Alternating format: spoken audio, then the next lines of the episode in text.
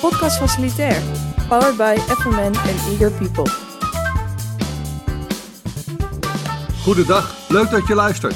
Welkom bij de podcast Facilitair, welke je aangeboden wordt door FMN en Eager People. Met deze podcast willen we jou als facilitaire professional inspireren met mooie verhalen in het vakgebied. Dat doen we vandaag binnen het thema leiderschap. Mijn naam is Hans Topé vanuit de expertteams van Facility Management Nederland. Deze podcast staat in het teken van kantoor, thuiswerken en wel op het onderwerp de coronacrisis en het nieuwe normaal, wanneer dat ook zal zijn.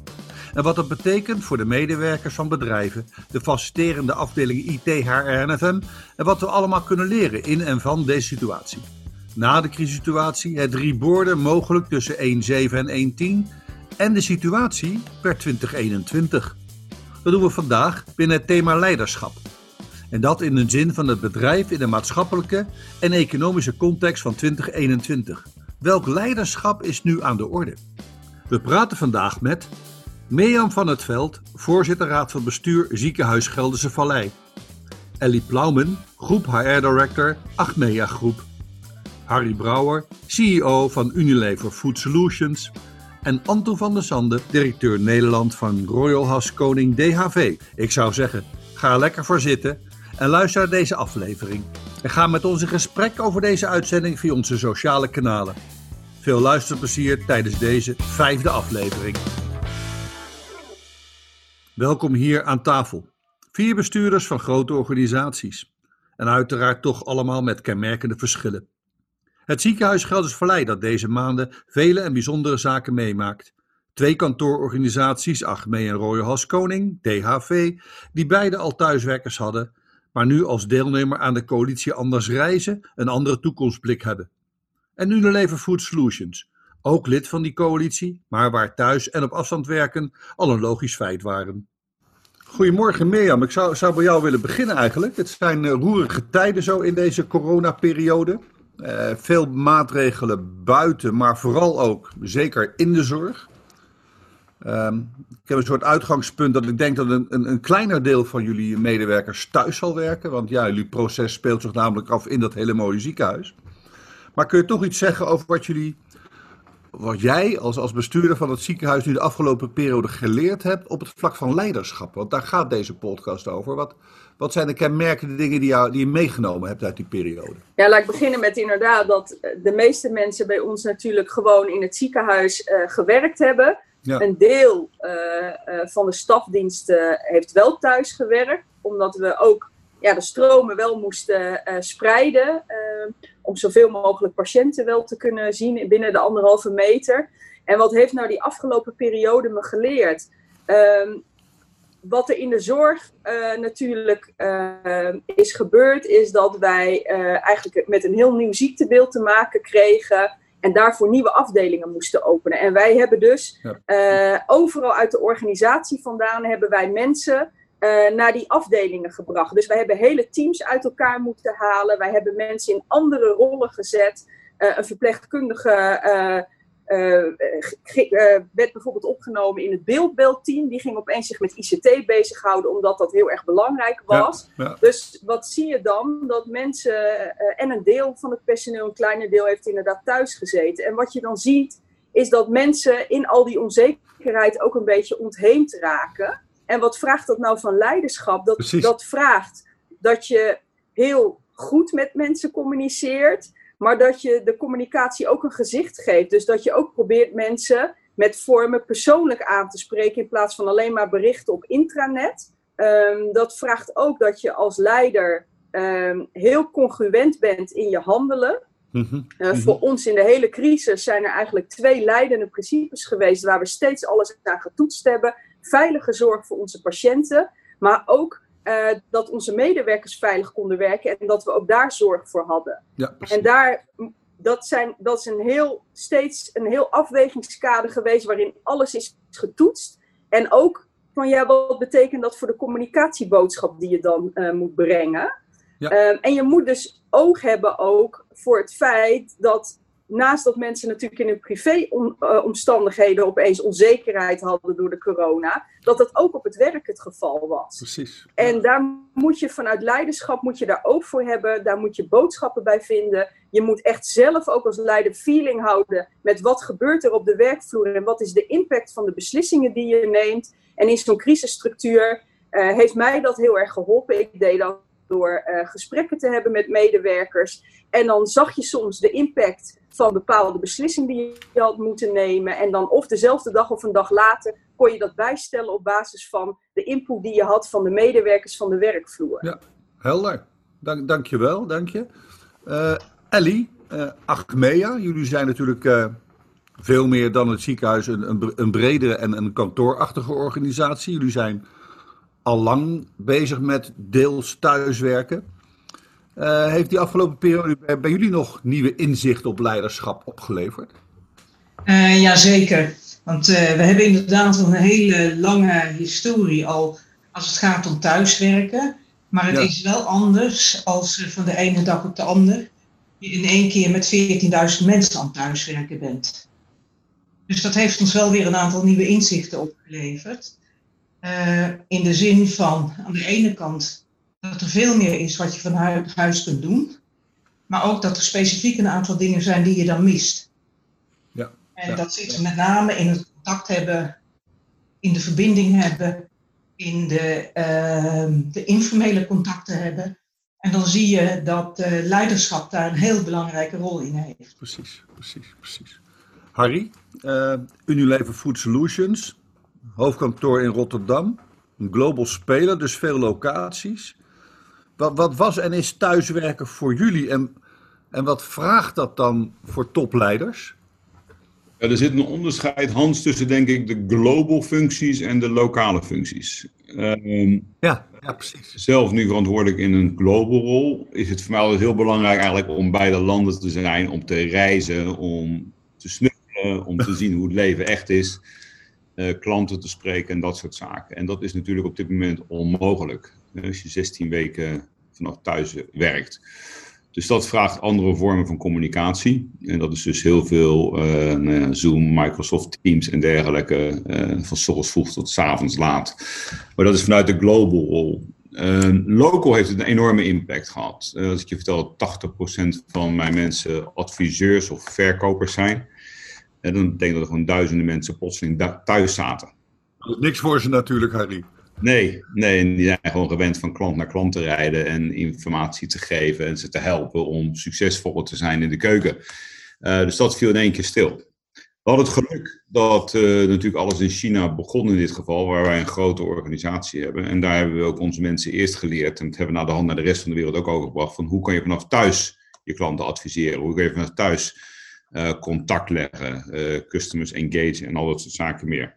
En dat werkte heel goed, moet ik zeggen. Dus, uh, en nogmaals, doordat we wereldwijd geleveraged hebben, waren we elke keer een paar weken voordat het uh, in een land aankwam, hadden we de mensen eigenlijk al getraind. En dat is eigenlijk achteraf kijkend een, een, mooie bijkomstigheid dat het zo gelopen is. Een voordeel geweest dus, ja. ja.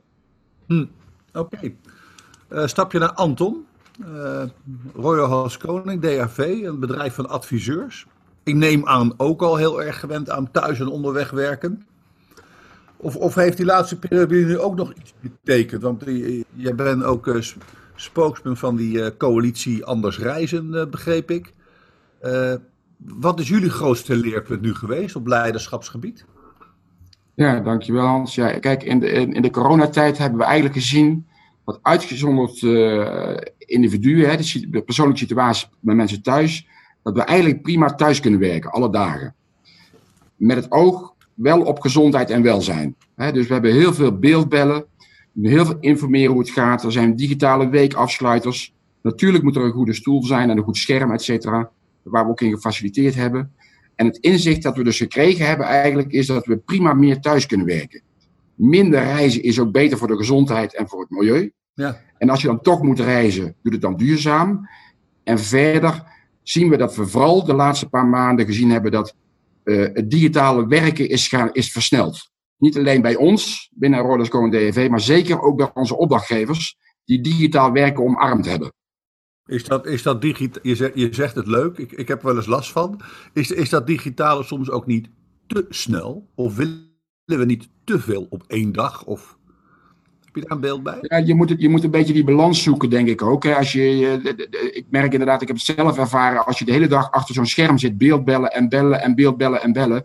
Dus je moet ook afwisselen met een stukje wandelen naar buiten. Dus je moet je dag, en daar helpen mensen ook in, om wel te zorgen dat je vitaal en gezond blijft. Dat je af en toe je benen gaat strekken, een wandeling maakt met de hond. Desnoods ga je een half uurtje sporten in de middag en pak je daarna weer op. Precies, nee, dat is het beste, ja, inderdaad.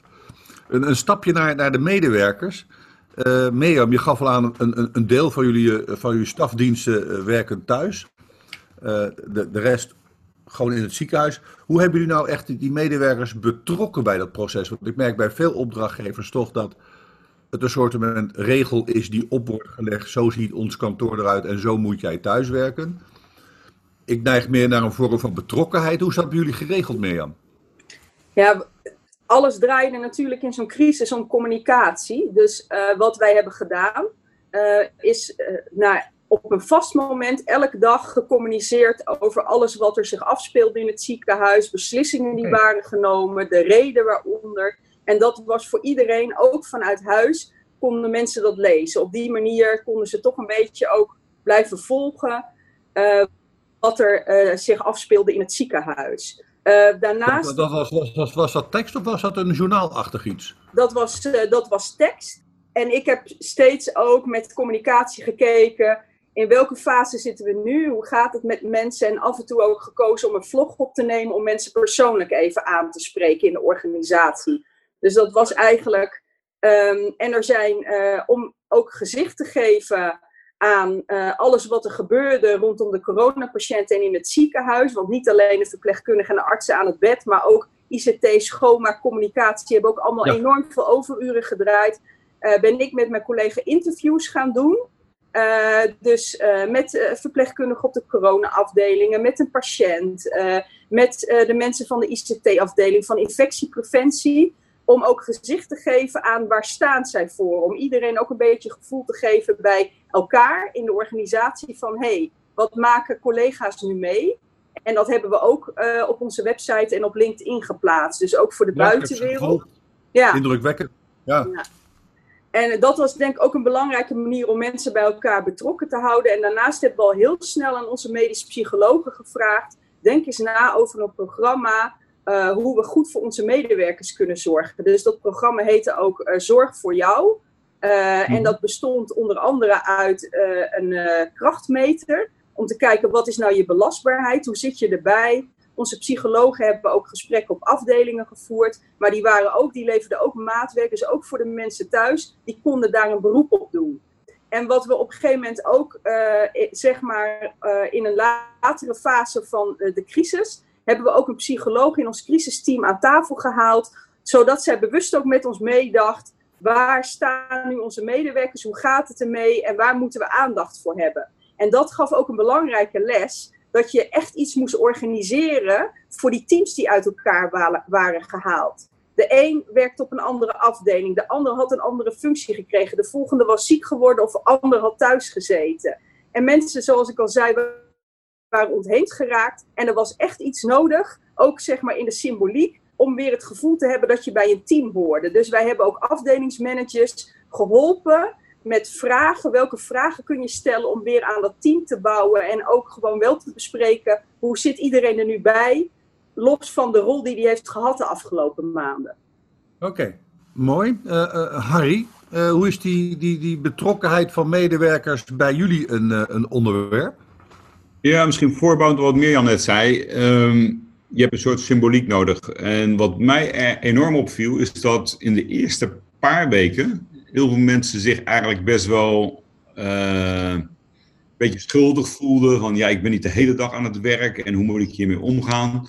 En die anderen, die zaten precies in de tegenovergestelde situatie.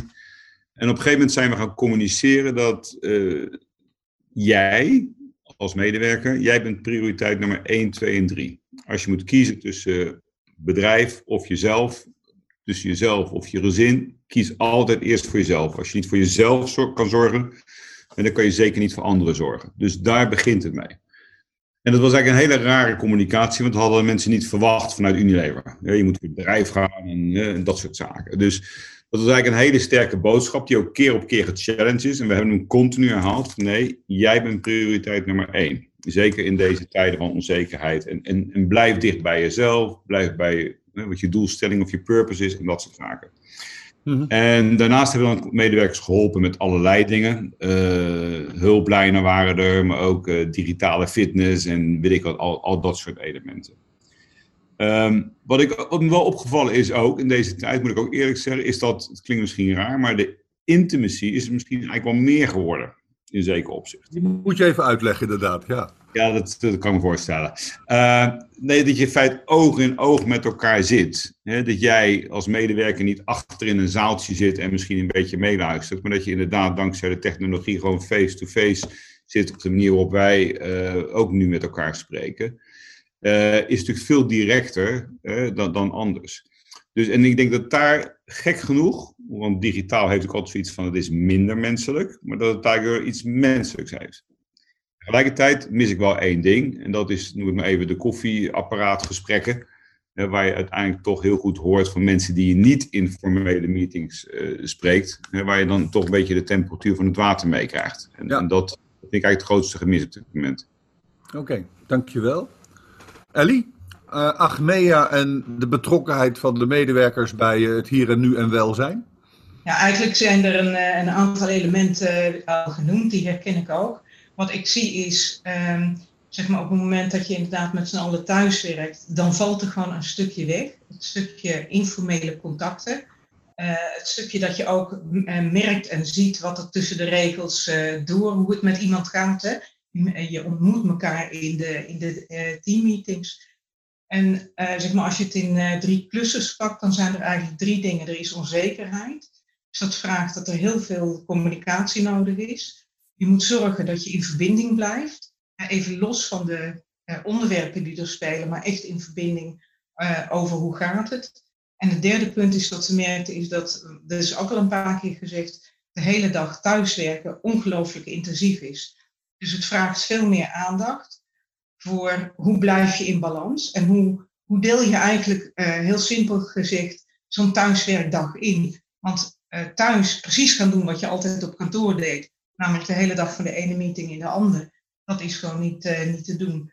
Dus dat betekent dat we in de communicatie aan die drie aspecten ook heel veel aandacht hebben besteed. En wat je ziet, is dat er eigenlijk een aantal nieuwe rituelen zijn ontstaan.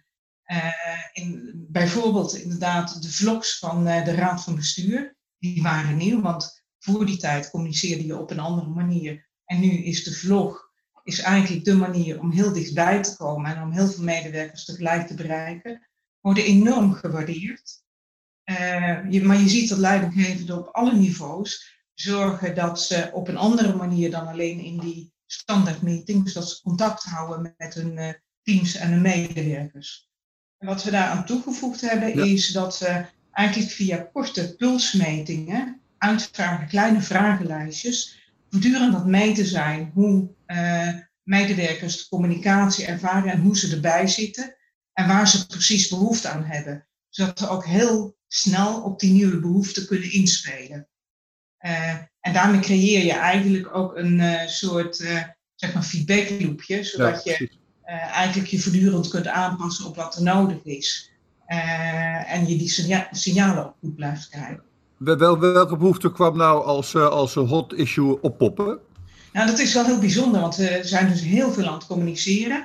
Dus ja. we zagen in die pulsmeting dat er enorm veel waardering is voor die communicatie. En tegelijkertijd is de behoefte aan nog meer communicatie. Ja, ja. En uh, zeg maar, aanvankelijk ging de communicatie met name over hoe werken we thuis. Maar op een gegeven moment merkte je dat er ook behoefte was aan hoe gaat het nou met ons bedrijf. Dus de inhoud van communicatie uh, veranderde, daardoor, uh, veranderde daardoor ook. En inderdaad, balans houden en vitaliteit. Dat is wel een belangrijk thema wat ook terugkomt. Uh. Oké, okay, dankjewel. Um, een stapje naar nog meer thuiswerken. Want als we zo door blijven gaan, hoor ik wat geluiden dat we tussen de 50 en 80 procent, als je een kantoorachtige organisatie bent, wellicht thuis zouden kunnen en willen blijven werken. Uh, uh, en dat is een vraag voor Anton. Daar, daar is het nou een, wordt het dan een soort plicht of hoe ga je dat dan doen? Want ja, als je tussen de 50 en 80% kan thuiswerken, dan is het dan iets opgelegd of is dat vanuit die medewerker? Waar komt dat vandaan, Anton? Nou, het is een beetje tweeledig, denk ik, Hans. We hebben natuurlijk eh, met elkaar, we volgen natuurlijk die adviezen vanuit Den Haag, RIVM, die anderhalf meter afstand. Dus de kantoorcapaciteit wordt daardoor kleiner.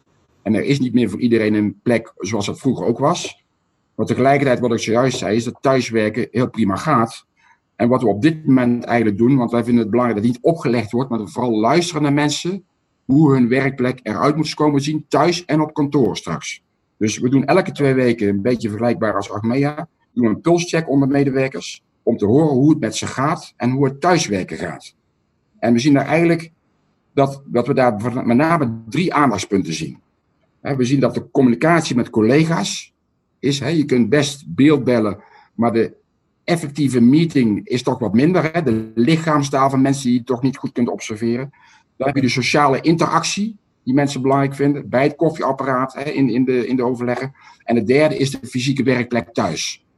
En dan zien we dat dat niet voor iedereen, eh, dat het heel erg individueel verschilt. Degene die wel een goede fysieke werkplek hebben en niet. En ik herinner me heel goed dat toen het, de, toen het de, de, de ellende zeg maar, begon, dat de bureaustoelen en de schermen de, het kantoor uitliepen. Daar hebben we ook heel erg in gefaciliteerd om vooral die ergonomische werkplek thuis te faciliteren. En dus de komende twee maanden willen wij verder binnen als Gewoon DV gaan, gaan zoeken naar de optimum voor na de periode van tussen HRM, hoe houding en gedrag van mensen samengaat met de werkplek wanneer denk je dat, dat punt te bereiken dat je, nou ja, misschien bereik je dat nooit, maar toch een soort, misschien een droombeeld. Wat is nu voor jou het moment dat je, nou, nu, nu weten we ongeveer waar we aan toe zijn. Ik praat van over 1 januari, dat je een soort balans hebt van, nou, we wegen nu met zoveel procent thuis of, of op kantoor. Is dat, zit daar een doel achter? Of hoe... Ik vind 1 januari echt te laat en dat geldt voor alle werkgevers in Nederland. Als we 1 januari doen, dan vallen we terug in het oude normaal. En we moeten een nieuw normaal hebben. En het nieuwe normaal is meer thuiswerken, kantoren, plannen maken om andere inrichtingen, meer dynamische inrichtingen voor kantoren. En daarnaast dus ook een bijvangst in meer duurzaamheid, minder file druk en meer gezondheid in Nederland. Is dat bijvangst of is dat misschien wel een mooi primair doel? Een noodzaak. Ja, precies. Ja, ja, ja spannend. Uh, stap je naar meer, Jan? Uh, als nu, uh, Anton roept het al even, die, die fysieke werkomgeving, zowel, zowel thuis als, als op kantoor. Uh, hebben jullie daar dingen herkend als een soort effect of dingen of maatregelen die nog extra moeten nemen in dat thuiswerken of, of op, in het ziekenhuis werken als, als staforganen? Hebben jullie daar nog aanpassingen herkend? Nou ja, kijk, ik denk dat de wereld voorgoed veranderd is voor iedereen. En dat we dus blijvend heel veel flexibiliteit van medewerkers gaan vragen. Of dat nou is op de werkvloer of dat dat thuis is. Uh, en belangrijk is uh, dat we ons daar ook vanuit ons leiderschap bewust uh, over zijn. En dat we ook echt nadenken over hoe kunnen we mensen helpen om daar steeds in mee te bewegen. Die flexibiliteit die nodig is. En wat hebben zij nodig aan randvoorwaarden uh, om ook goed te kunnen blijven functioneren. Of dat nou is op een werkplek waar flexibiliteit wordt gevraagd of thuis. Uh, want uiteindelijk zijn we allemaal sociale dieren en we willen ons werk leuk vinden. Maar als je vraagt aan mensen, dan hebben ze het meestal ook over dat ze het zo leuk vinden met hun collega's. Ik, denk, ik zeg altijd dat is minimaal 50% van je werkplezier zijn je collega's. Uh, en in een situatie waarbij mensen veel meer thuis gaan werken, uh, zoals net ook de andere uh, collega aangaf, uh, waarin je mist het, het, gesprek bij het koffieautomaat, wat ook als leider heel erg belangrijk is om feeling te houden. Waarbij je soms echt ook interactie nodig hebt en elkaar echt letterlijk in de ogen moet kijken. Moet je denk ik met elkaar wel heel goed nadenken, wat is de balans? Dus thuiswerken biedt kansen voor organisaties en misschien ook wel voor mensen. Maar ik denk, je moet wel nadenken over iedereen thuis laten zitten hele lange periodes gaat ook niet goed. Dus er moet wel een zekere balans zijn dat mensen elkaar ook fysiek treffen. Um, en dat vraagt ook uh, voor ons. Ja, wij zullen ook in het ziekenhuis heel goed naar ons ruimtegebruik moeten kijken. Want wij moeten de patiëntenstromen spreiden. Ook de anderhalve meter, daar zijn onze gebouwen niet uh, op ingericht. Dus dat zijn, daar zijn we nu allemaal mee bezig. En dat betekent dat je ook heel zorgvuldig moet kijken naar personeel wat aanwezig is. wat niet per se noodzakelijk op de werkvloer aanwezig is. Dus wij hebben ook met de stafdiensten afgesproken dat rolerend mensen thuis gaan werken en op kantoor. Maar wel altijd in deze mengvorm. Dus helemaal thuiswerken in een 80%, daar geloof ik persoonlijk niet in. Ik denk dat dat niet heel goed is voor het welbevinden van onze medewerkers. Helder standpunt, dankjewel. Harry, uh, koffieautomaat, 190 landen. Uh, dat, dat, lijkt me spannend. Hoe, hoe, doe jij dat? Ja, ik begin eigenlijk steeds met een andere visie op het kantoor te krijgen, Hans. Um, ik, weet niet of het een goede of, ik weet niet of het een goede of een slechte visie is. Maar ik denk dat we ook moeten, wat net ook gezegd is, er zijn zoveel verschillende soorten mensen, weet je. En ik zie eigenlijk drie groepen nu ontstaan. Eén is de mensen die eigenlijk terug moeten naar kantoor omdat ze het gewoon fysiek nodig hebben. In mijn geval zijn dat koks eh, die professionele keuken nodig hebben, sommige IT-mensen en dergelijke. Dan heb je een groep die we denk ik onderschatten, maar die er wel is. Een hele belangrijke groep voor wie werk cruciaal is, maar die niet vanaf thuis kunnen werken. ik zeg maar even overdreven gezegd, uh, drie partners, 25 kinderen, dat werkt niet, plus uh, videobellen en dergelijke. Dus voor hun is het echt een ramp, deze situatie. En daar moeten we ze ook in gaan helpen. En daarnaast heb je die andere grote club, die denk ik geleerd heeft dat thuiswerken veel beter gaat dan ze gedacht hadden. En waarvan ik inschat dat misschien wel 60, 70 procent van de totale populatie is, misschien wel 80 zelfs. En die joh, luister, ik hoef niet meer vijf dagen op kantoor te zijn. Ik vind het eigenlijk wel helemaal prima om drie dagen vanaf thuis te werken. Maar zoals net ook gezegd wordt, ja, dat sociale contact, de knuffel bij het koffieapparaat, als ik het maar even zo mag uitdrukken, misschien politiek niet correct bedoel, maar je begrijpt wat ik bedoel, uh, is zo vreselijk belangrijk. En dat gaat denk ik een impact hebben over hoe we ons kantoor gaan indelen. het liefst wat ik zou willen, is eigenlijk dat ik één of twee dagen een locatie zou hebben die aanvoelt als een, als een groot café, bij wijze van spreken waar je elkaar kunt ontmoeten op een, met social distancing als dat moet, maar waar je elkaar inderdaad het hele team kan zien. Niet een marketing of een verkoopteam of bepaalde niveaus, maar gewoon dat iedereen elkaar kan zien. Wat we nu mooi een town hall noemen, of weet ik maar dan in feite gewoon een hele dag. Dat je met mensen kunt spreken die je niet formeel de hele dag in alle meetings ziet uh, via, via de, de laptop. Dus dat zou denk ik voor mij de grote verandering zijn. Dus je hebt een groep die technisch moet, een groep die, voor wie het gewoon sociaal wenselijk is, uh, om gegeven hun privésituatie, dat ze die mogelijkheid hebben. En dan de grootste groep, die inderdaad dan twee of drie dagen uh, waarschijnlijk op kantoor zal werken, maximaal. Maar waarvan denk ik één of twee dagen echt gewoon puur sociale connectie moet zijn creatieve processen, uh, koffie, temperatuur van het water, uh, even bijpraten, uh, dingetjes cascaderen, dat soort zaken. Helder. Ellie, voor jou, voor jou even een andere vraag. Je, je, hebt die pulsmetingen gedaan. dat thuiswerken, is er nou iets specifieks wat er op dit moment ontbreekt in het palet van faciliteiten van thuiswerken bij jullie? Komt daar iets oppoppen van, nou, dat, dat, we werken nu al zo lang thuis nog mee, maar God, dat, dat hadden we eigenlijk niet bedacht. Dat, die, die, die komt er nu ineens bij. Ja, er, zijn, uh, er zijn wat mij betreft uh, twee dingen. Aan de ene kant, uh, zeg maar, als je naar thuiswerken kijkt, met name de intensiteit en de hoeveelheid thuiswerken op dit moment, is anders dan wat wij gewend waren.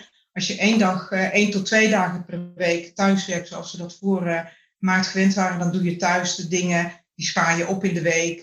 en dan doe je wat concentratiewerk thuis op één dag en je bereidt de week daarop voor dat zijn andere dingen dan wanneer je vijf dagen in de week uh, gewoon fulltime aan thuiswerken bent. Dus als je dat doet, dan vraagt dat echt uh, andere dingen. En dat heeft met name te maken met die uh, vitaliteit. Tegelijkertijd merken we ook, omdat we gedwongen zijn in deze situatie, wat je dan precies mist, omdat je niet meer naar kantoor gaat.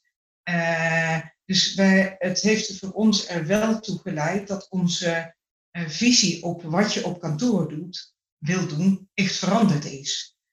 Uh, en dan blijven er een aantal dingen over. En in die zin, ik herken heel erg wat, uh, wat Harry zegt. Um, er zijn een aantal mensen inderdaad die niet thuis kunnen blijven werken, omdat de omstandigheden daar niet naar zijn. Ons geeft een grote groep ook aan dat ze liever een groot deel van de tijd thuis willen blijven werken. Mm -hmm. Maar waar je dan voor naar kantoor gaat, dat zijn uh, echte zaken die te maken hebben met de sociale samenhang, de creatieve processen. Maar wat nog niet genoemd is en wat ik ook belangrijk vind, in ieder geval voor ons bedrijf, is ehm, als je het kantoor dan veel meer ziet als een communitygebouw, dan is dat ook de plek waarbij je eigenlijk de waarden en normen van je bedrijf overdraagt. Uh, de kleur van het bedrijf, de, zeg maar, uh, onze merken staan voor iets. En dat moet je op de een of andere manier, zeker ook aan nieuwe mensen, moet je dat overdragen. Ja. Om ervoor te zorgen dat je samen die community wordt. En die functie vind, ik, uh, vind je veel meer op kantoor. Uh, in het, zeg maar, ik noem het nieuwe kantoorgebouw, zoals we dat uh, voor ogen hebben, dan dat je dat op de thuiswerkplek vindt. Dus daar zijn we naar aan het kijken van wat doe je nou straks op kantoor, waar heb je die kantoren voor nodig en hoe richt je ze dan ook in en wat doe je thuis. Oké, dankjewel. Dat is een mooi stapje inderdaad. Van, van dat thuiswerken naar kantoor en een nieuwe functie van dat gebouwde construct, wat dan inderdaad kantoor heet. Anton, als we dit doorvertalen, betekent dat dan dat we minder kantoorruimte nodig hebben in totaliteit in BV Nederland? Of, of wordt die dusdanig anders dat we wel het volume nodig hebben, maar vullen het anders in? Of krijgen we satellietkantoren? Heb, heb je daar een soort uh, ja. plaatje voor ogen voor BV Nederland? Ja, kijk, ik, ik denk dat, het, wat al gezegd, kantoren worden veel meer een inspiratieplek om samen te werken aan innovaties. Dus de mhm. werkzaamheden, die kun je eigenlijk onderverdelen in werkzaamheden die je prima thuis kunt doen. En werkzaamheden die je prima of beter op kantoor kunt of moet doen. En dat geldt voor elke werkgever, kan dat zo voor zichzelf inventariseren. Waardoor we de omgeving dus dynamischer en aantrekkelijker maken. Een omgeving creëren die ook digitale werken ondersteunen. En dat is een proces waar wij als Roscoe DV nu middenin zitten, maar ik denk ook heel veel andere bedrijven met ons. bijvoorbeeld in, in, in Delft, waar wij in 2024 een nieuw oud pand gaan betrekken, hè, Mijnbouw Universiteit in, in Delft. Waar we samen met medewerkers en ook nu met de corona, corona een, een, een kantoor gaan ontwerpen die, die toekomstproof is. Hè, wat een waardedrager veel meer gaat worden dan een ontmoetingsplek alleen. dus Ehm, de komende periode gaan we die activiteiten verder in kaart brengen met de medewerkers. En natuurlijk hangt het heel erg af van die anderhalve meter uh, situatie. Maar om uiteindelijk, als dat corona voorbij is, dan denk ik inderdaad dat we minder kantoorruimte nodig hebben. Kleinere kantoren, dynamischer. Uh, en, en, en dat er dus daardoor ruimte ontstaat voor andere invullingen van kantoorruimte. Ja, je, je, in een van je vorige statements zei ja, we moeten wel uh, dat, dat voor transport duurzamer gaan doen. Dan is elektrisch rijden mooi, maar het blijft nog steeds rijden. Uh, uh, zegt dat ook iets over de plek van het kantoor? betekent dat iets van een spreiding? in plaats van drie hoofdkantoren, misschien wel zes meer gespreide decentrale kantoren? Nou, kijk, de, de, de, grotere kantoren zie je natuurlijk vaak om centrale stations heen gebouwd, hè, openbaar vervoer. Maar denk ook, je hebt natuurlijk mensen in de landen zitten. Dus als we gaan concentreren allemaal in de Randstad en iedereen moet in de Randstad komen wonen om te kunnen gaan werken, dat is ook geen oplossing. Dus ik denk inderdaad dat je in de regionale invulling, en binnen Hasco en DV hebben we elf kantoren regionaal, vooral ook om mogelijkheid te geven voor mensen die in die regio wonen, een werkplek te geven. Dus ik denk ook dat je veel meer moet spreiden door het land. Kleinere units, kleinere flexibele units, eh, wellicht gecombineerd met andere bedrijven. Ik geloof daar heel erg in. Oké, dankjewel. Uh, Ellie, hoe is dat voor Achmea nu met, met toch redelijk grote kantoormassa's? Uh, is dat voldoende gespreid om, om dat lokale te kunnen bedienen? Ja, nou, ik, ik denk, uh, kijk, we hebben natuurlijk een redelijke spreiding inderdaad over het land met, met onze kantoren. Mm en ik denk, als we zo straks hadden we het even over die, over die verschillende groepen. Hè? Op het moment dat er mensen zijn die echt niet thuis kunnen werken en die als het ware gewoon hun concentratiewerk een, een kantoorplek nodig hebben omdat ze thuis niet kunnen werken, ja, dat zou je uh, redelijk gespreid in het, uh, in het land willen hebben. Of kun, kunnen hebben, laat ik het zo zeggen. Maar Achmea heeft gespreid over het land een aantal kantoren. En als ik het over die gebouwen heb, die ook voor dat uh, communitygevoel moeten zorgen, mhm. dan zie ik daar niet een heel erg versnipperd, over het land versnipperde spaces, want dan ga je dat communitygevoel niet uh, krijgen. Dus dan zie ik toch veel meer voor me dat je op uh, uh, dat wij op de manier zoals we dat nu hebben, in het land gespreid een aantal kantoren hebben waar je die look en feel ook van, van onze merken en van het bedrijf hebt. want anders ja, ga je dat community gevoel niet creëren. Nee, je legt uit de link ook inderdaad tussen niet alleen die gebouwde massa, maar vooral de branding, identiteit en het DNA van dat, die merken voor jullie om dat weer te geven in dat gebouw als, als een soort van bij elkaar komen en ook wat je nu, zeg maar, wat je in de huidige situatie mist, zijn de toevallige ontmoetingen. Op het moment dat je alleen als teams bij elkaar komt op verschillende uh, toevallige plekken in het land, kan je die toevallige ontmoetingen ook niet creëren. Daar heb je gewoon ook echt gebouwen voor nodig. Ja, precies. Harry, toch weer even terug naar jouw 190 eh, locaties. Uh, zie jij nog een verandering in de kantoormassa aankomen? Ja, voor ons is het anders dan voor wat ik net hoorde. Want wij hebben natuurlijk maar één locatie in de meeste gevallen per land. Uh, ja. Dus waar ik aan denk is voor diegenen die niet thuis kunnen werken, dat je ze wel een faciliteit biedt bij hun in de buurt. En hoef je voor, wat mij betreft niet een uur voor in het openbaar vervoer te zitten. Dus dat zou ook dichterbij mogen zijn. Maar dat is alleen voor die mensen die thuis niet kunnen werken, gegeven hun persoonlijke omstandigheden. Waar ik heel benieuwd naar zou zijn, Hans, en ik zou dat eigenlijk wel eens als een kleine extra brainstorming uh, zien, of als een soort uitdaging voor iedereen die luistert. Van, want we horen nu vanuit verschillende hoeken, vanuit uh, deze groep, hè, dat, die behoefte, en Ellie zei het net heel duidelijk, van dat community gevoel met de look en feel in je cultuur. Hè. Je wil niet in een willekeurig hotel gaan zitten in een grote ruimte op die één of twee dagen, dat je dan als team volledig samenkomt. Ik denk, die inrichting daarvan is niet zo heel moeilijk, dat, dat kan ik me heel goed voorstellen. De vraag is, hoe ga je het organiseren, ervan uitgaande dat social distancing bij ons blijft. En dat is voor mij een vraag die ik niet heb kunnen oplossen. Ik zie wel, ik zie wel de ruimte vormen en de mogelijkheden. Alleen, het is natuurlijk zo als dat je elkaar weer in een restaurant of in een kroeg ziet. Dan zie je ook hoe moeilijk het is als je elkaar een half jaar niet gezien hebt. Hè, om dan weer de anderhalve meter te bewaken.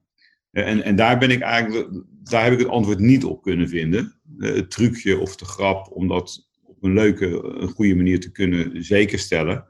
In die wijdere community-omgeving die je dan wil creëren, juist om dicht te komen.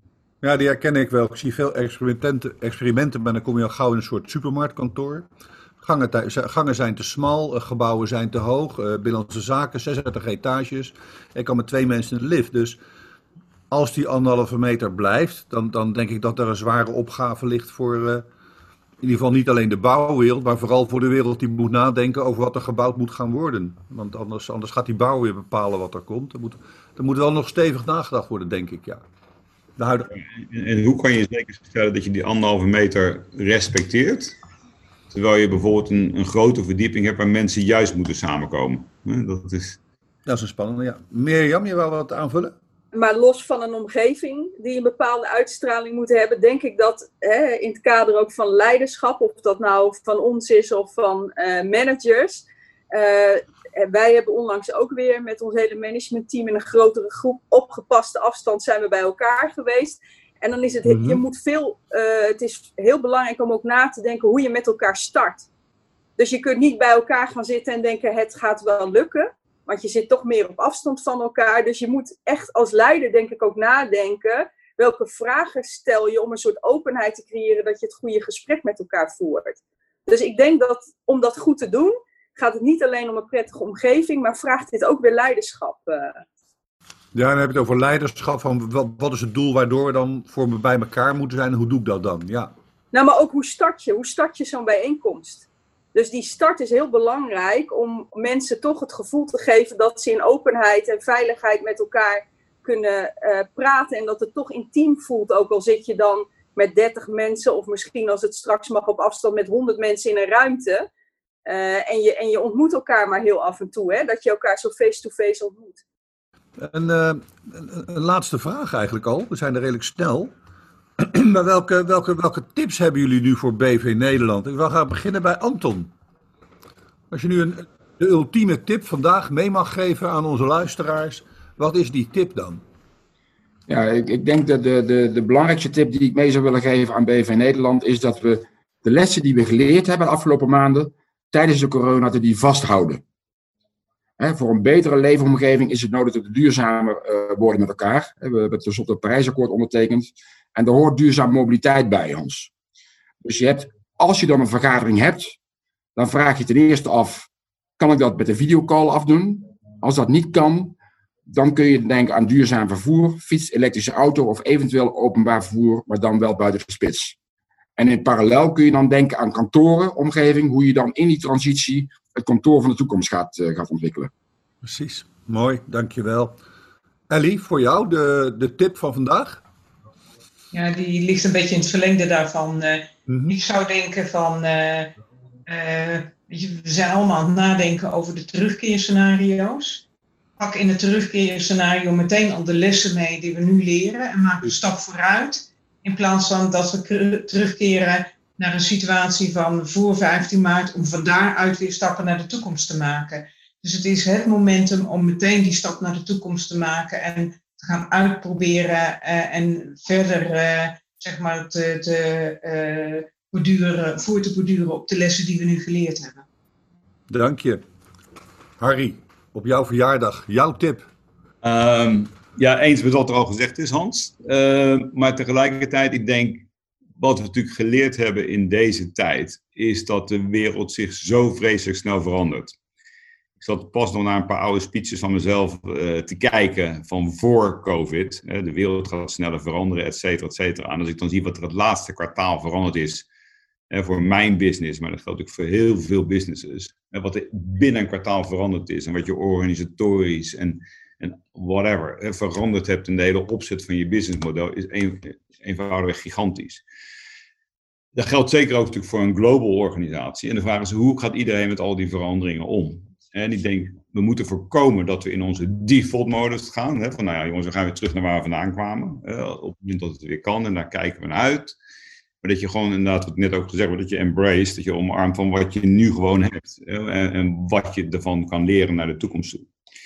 Ik denk omdat die wereld zo snel verandert, dat we veel meer, uh, bij gebrek aan een goed Nederlands woord, purpose gedreven zullen gaan worden. Ik denk dat iedereen gewoon zijn eigen doelstelling moet hebben en die moet je kunnen linken naar zijn bedrijfsdoelstellingen. Uh, dat de bedrijf een soort framework creëert, en sorry voor de bistaal, maar dat je daar de vrijheid geeft aan de mensen om binnen dat framework te doen wat ze het beste kunnen binnen hun eigen purpose en de link naar hun bedrijf. En dat je dat de enige manier is om met die snelheid en die agility om te kunnen gaan in de wereld. Eh, het, het gaat niet meer zoals het vroeger ging van ene tophierarchie naar de volgende, naar de volgende, naar de volgende. Dat gaat allemaal veel en veel te langzaam. Dus ik denk de, de kunst van het loslaten, om, om, goed georganiseerd te zijn, wordt ook zo'n ding waar we mee moeten gaan leren leven. Precies. Loslaten, loslaten en snelheid. Ja, loslaten en snelheid. En, en, en, en zeker in een wereld, in, hopelijk komt hij niet, maar als die komt, waarin je toch een start-stop cultuur gaat krijgen met COVID, ja, dan is dat nog een keer veel belangrijker. Dus ja, dat zou mijn tip zijn aan de BV Nederland. Dankjewel. Mirjam, als, als laatste, jouw ultieme tip voor vandaag.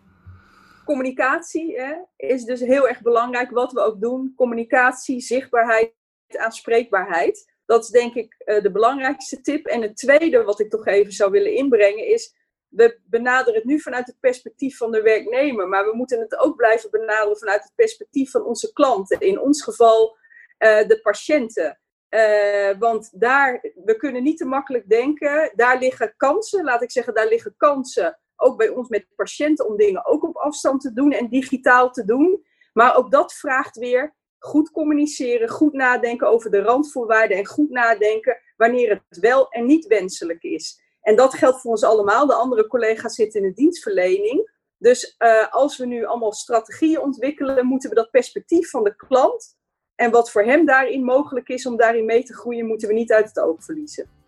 Uh, hierbij wou ik hem uh, afsluiten en jullie ontzettend danken voor jullie bijdrage. En wie weet tot de volgende keer. Dat was hem dan. De vijfde bijzondere aflevering over leiderschap in de podcastserie over het nieuwe normaal. Met Mirjam van het Veld, voorzitter raad van bestuur ziekenhuis Gelderse Vallei. Ellie Plaumen, groep HR Director Achmea Groep. Harry Brouwer, CEO van Unilever Food Solutions. En Anton van der Zande, directeur Nederland van de Royal House Koning DHV. De redactie wordt gevoerd door Suzanne Vermeer. En de techniek is in handen van Niels Peters. Dank ook weer aan jullie. Praat met ons mee over deze aflevering via onze sociale kanalen, zoals de website en LinkedIn-pagina's van FMN Facility Management Nederland of Eager People. En luister daar ook naar alle andere afleveringen. Met een nieuwe editie in deze serie Het Nieuwe Normaal zijn we er weer op 30 juli 2020. Bedankt voor het luisteren en een mooie dag nog. Podcast Facilitair, powered by FMN en Eager People.